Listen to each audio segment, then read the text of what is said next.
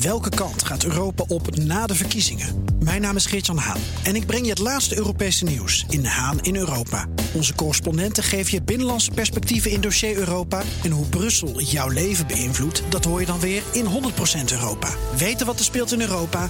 Luister naar de programma's van BNR.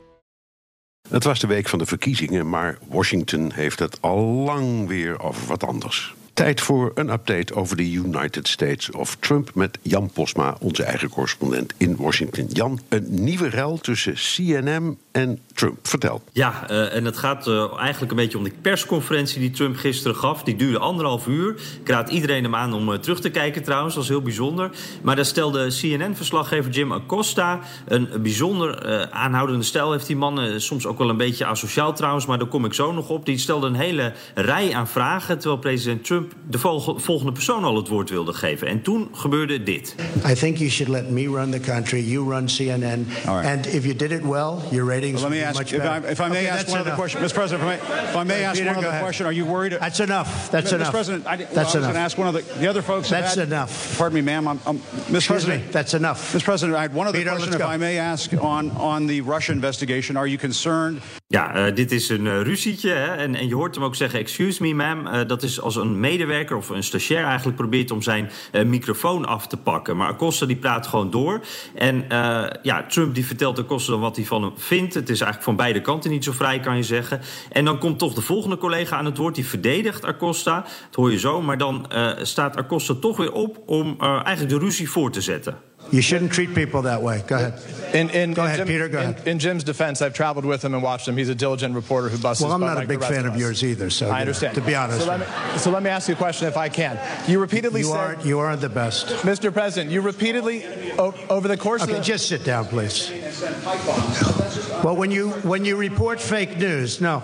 When you report fake news, which CNN does a lot, you are the enemy of the people. Go ahead. Mr. President. En dit was uh, niet eens de enige ruzie die uh, tijdens die persconferentie ontstond. Uh, dus ja, je zit het dan te kijken en dan denk ik wel eens aan de wekelijkse persconferentie in Nederland met premier Rutte. Dat is toch een heel andere koek. Net even anders, ja.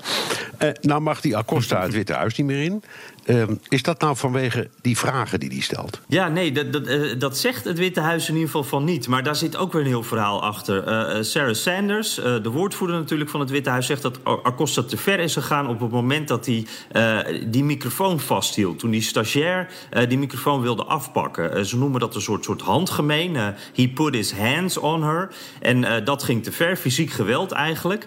En Sarah Sanders deelde daarbij ook een filmpje van het gebeuren. Dit is dus de, de woordvoerder van het Witte Huis. En op dat filmpje, daar, daar, daar, zie je iets raars. Ik ben geen videodeskundige, maar verschillende mensen die dat wel zijn... wijzen erop dat dat filmpje gemanipuleerd is. Het is een stukje vertraagd en uh, op een tactisch moment. Op een ander stuk juist weer versneld. En daardoor lijkt het alsof Acosta een soort hakbeweging... naar de arm van dat meisje maakt.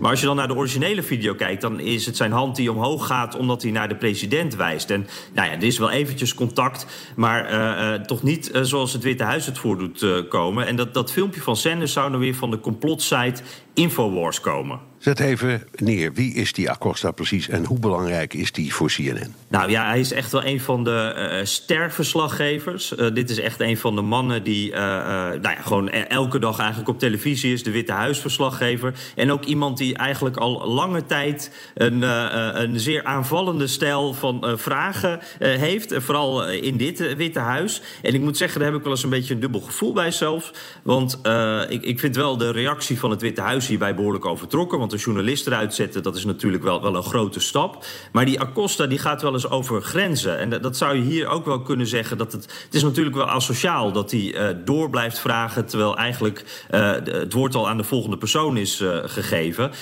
hij stelt ook directe en harde vragen.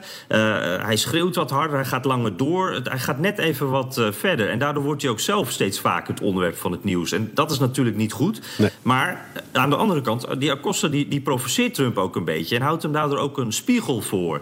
Uh, hij houdt zich eigenlijk net als Trump niet aan de regels. En daar zit denk ik ook een idee achter. Want door uh, ja, te Trumpen eigenlijk probeert hij Trumps retoriek... ook een beetje daardoor heen te prikken. En confronteert hem ook door mij. En dat vind ik dan wel weer sterk. Het, het lijkt een ronde van het wereldkampioenschap drammen. Dankjewel, Jan Posma, correspondent in Washington.